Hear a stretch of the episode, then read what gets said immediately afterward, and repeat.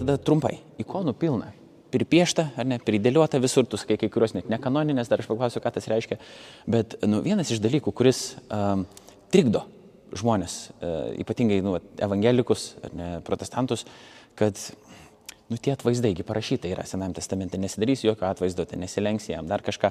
Ir ar tai tiesioginis prieštaravimas, net tas jis dažnai kyla, žmonėms reikia kažkokio paaiškinimo. Tai ir tuo labiau, kai pamato žmonės ne tik besilankstančius prieš ikonas, bet dar ir bučiuojančius. Mhm. Tai kas čia yra? Ir iš tikrųjų, va, ortodoksai išeina, kad yra stabmeldžiai.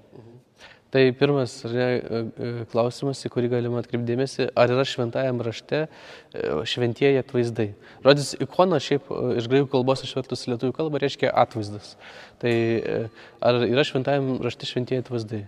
Ir vėlgi, atsigręždami į Seną testamentą, mes ten paradoksaliai randam, netgi tuose puslapiuose, kur vienam puslapyje Dievas sako, per mozę, kad e, nedarys atvaizdų, nei to, kas aukštai danguje, nei kas ant žemės, nei kas po žemė, e, jiems nesilenksi, jų negarbinsi. Ir tada perračiam puslapį tada sako, ir padirbsi du aukso kerubus, kuriuos pastatysi virš sandaros skrynios, ar ne?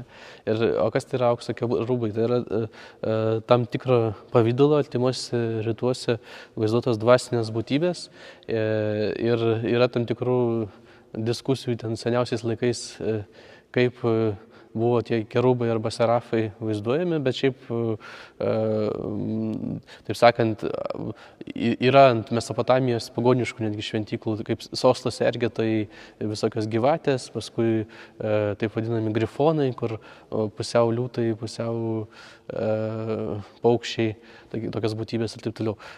Simboliškai vaizduojami tie E, tos būtybės žodžius sostas sergėtai. Ir čia e, Senajame testamente Dievas sako, e, mano malonės sostą, sandoros skrynę saugos du aukso kerūbai, kuriuos tu padarysi, ar ne? Ir taip toks paradoksas yra, kodėl ten duotas įsakymas, o čia sako, gamint statulas. Bet ne šiaip šventus atvaizdus, bet statulas. O jeigu pažiūrėtumėm į mokslinius duomenys, archeologinius duomenys ir kitokius duomenys e, apie e, Jeruzalės šventyklą, tai pasirodo, kad ten e, būta ir kitų papuošimų, o pirmųjų amžių sinagogose, tarkim, minėjau Durą Europos trečią amžių, ten šalia pažiūrėjus krikščionių maldos namus ir žydų maldos namus, matom, kad sinagogose irgi yra atvaizdai, yra nupieštos mozė ir kiti E, ten Danielius, Liūtų dobė ir taip toliau, kiti įvairius bibliniai pasakojimai nupiešti. E, ir klausimas, kaip tai viskas suderinama. Tai čia pirmiausia pradėjau nuo to, kad apskritai šventajame rašte šventie atvaizdai yra. E, ir yra jie ir tradicija. O kaip tai suderinti? Tai ortodoksų supratimu tas draudimas e, e, gaminti atvaizdus, jisai e, neatsiejamas nuo draudimo e, juos garbinti. Turbūt net ir radikaliausi protestantai, reformatai nesakytų, kad negalima piešti portreto žmogaus. Nors e, kitose religijose, pavyzdžiui, islamė yra tokių radikalių krypčių, kurios iš vis draudžia gyvūnus vaizduoti, nes sako, kad gyvūnų gaminimas, atvaizdų gaminimas, tai kaip ir Dievo darbo mėgdžiojimas ir tai negalima. E, o vis dėlto krikščionių daugelis sutinka, kad gali pagaminti ir ten katės statulą, ir žmogaus portretą nupiešti, ir tai savame nieko blogo. Bet blogai yra garbinti e, tą atvaizdą. Ir čia, ar ne, turim atsigręžti tai, o ką daro žmogus, kai jisai lenkėsi prieš ikoną, kai jis ją netgi bučiuoja ir panašiai. Tai ortodoksų bažnyčios dogma e, paskelbta 7 visuotiniam susirinkime 787 metais. E, ji labai aiškiai apibrėžia, kokia turi būti intencija, sako, kad e, garbė, kuri teikiama atvaizdui, pasiekia provaizdį. Kitaip tariant, kai žmogus lenkiasi prieš ikoną, kai jisai ją bučiuoja, E, ar kitaip ją pagerbė, kaip ir e, pagerbdamas kryžių ar Evangeliją, pačią šventąjį raštą. E, tai jis pirmiausiai tokiu būdu nori išreikšti savo pagarbą tam, kas ant ikonos yra pavaizduotas. Pavyzdžiui, e, jeigu čia pavaizduota Dievo motina su apaštalais ir Kristus čia pavaizduotas, tai e, bučiuodamas šitą ikoną, pirmiausiai e, jis, na, čia kadangi Dievo motinos užmygimas vis dėlto, kaip ir Dievo motinos tas įvykis centre, tai dažniausiai turbūt prieš žmogus norės pagerbti pirmiausia Dievo motiną. Ir jeigu taip žiūrėtumėm plačiau, čia susiję ir su šventųjų kultu, nes šventieji, jie irgi yra, galima sakyti, Dievo ikonos. Nes žmogus yra sukurtas pagal Dievo atvaizdą ir panašumą. Tai atvaizdas graikiškam šventam rašte, tai ir pasakyta, pagal Dievo ikoną ir panašumą. Ikona reiškia atvaizdas.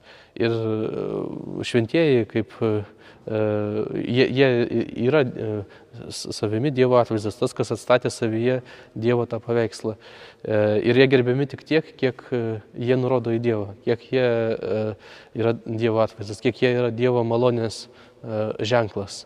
Ir visos tos ikonos, ar ne, kurios jas supa, jos viena vertus nurodo mums tos asmenys ir tie dar asmenys irgi nurodo pirmiausiai į Kristų ir Dievo motiną tame tarpe. Štai e, garbė teikiama atvaizdui e, pasiekia provaizdį, ji yra skirta provaizdžiui, skirta tam, kas pavaizduota. Gerbiama yra ne lenta, ne dažai ant tos lentos, o tai, kas ten yra pavaizduota.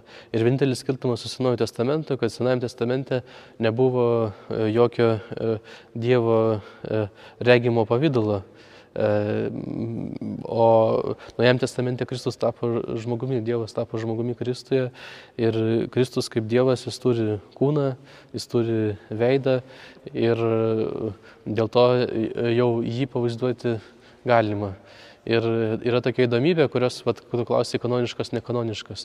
Kanoniškas tai e, atitinkantis tam tikras taisyklės. Taisyklės nėra irgi e, stabas, e, savitikslis, kitaip tariant, gali būti visokių nukrypimų nuo taisyklių. Bet šiaip jau e, tai yra tam tikros taisyklės. Yra taisyklės, kaip turi būti viskas išdėstyta cerkviai, kaip turi būti pastatyta cerkvė, e, kaip, e, kas vaizduojama ikonose ir kaip ir pagal e, kanonišką ikonografijos kanonus, pagal ikonografijos kanonus, tai e, ikonoje gali būti pavaizduotas tik Kristus, Dievas, e, šventoji dvasia gali būti e, pavaizduota tik balandžio pavydalu Kristaus krikšto scenoje arba ugnies liežuvių pavydalu sėkminių scenoje, nes taip jinai apsireiškia. Bet šventoji dvasia yra nematoma, dėl to jinai negali būti vaizduojama savarankiškai, kanoniškai taip yra. Lygiai taip pat Dievas tėvas, e, kanoniškai jis ikonose neturi būti vaizduojamas, nes jis e, nėra matomas ir neturi kažkokio tai pavydalo, ar ne.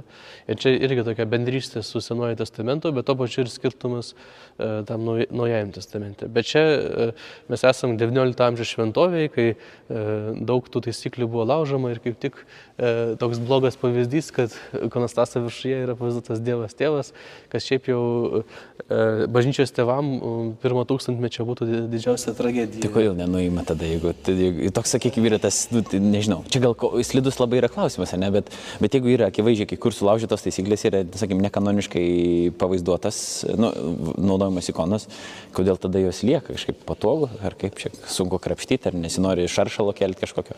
Dėl to, kad e, e, iš taisyklių nereikia daryti stabo. Čia va, yra, e, nu, bent jau tokių ortodoksiškų supratimų, tai yra tam tikras farizeizmas. Nes...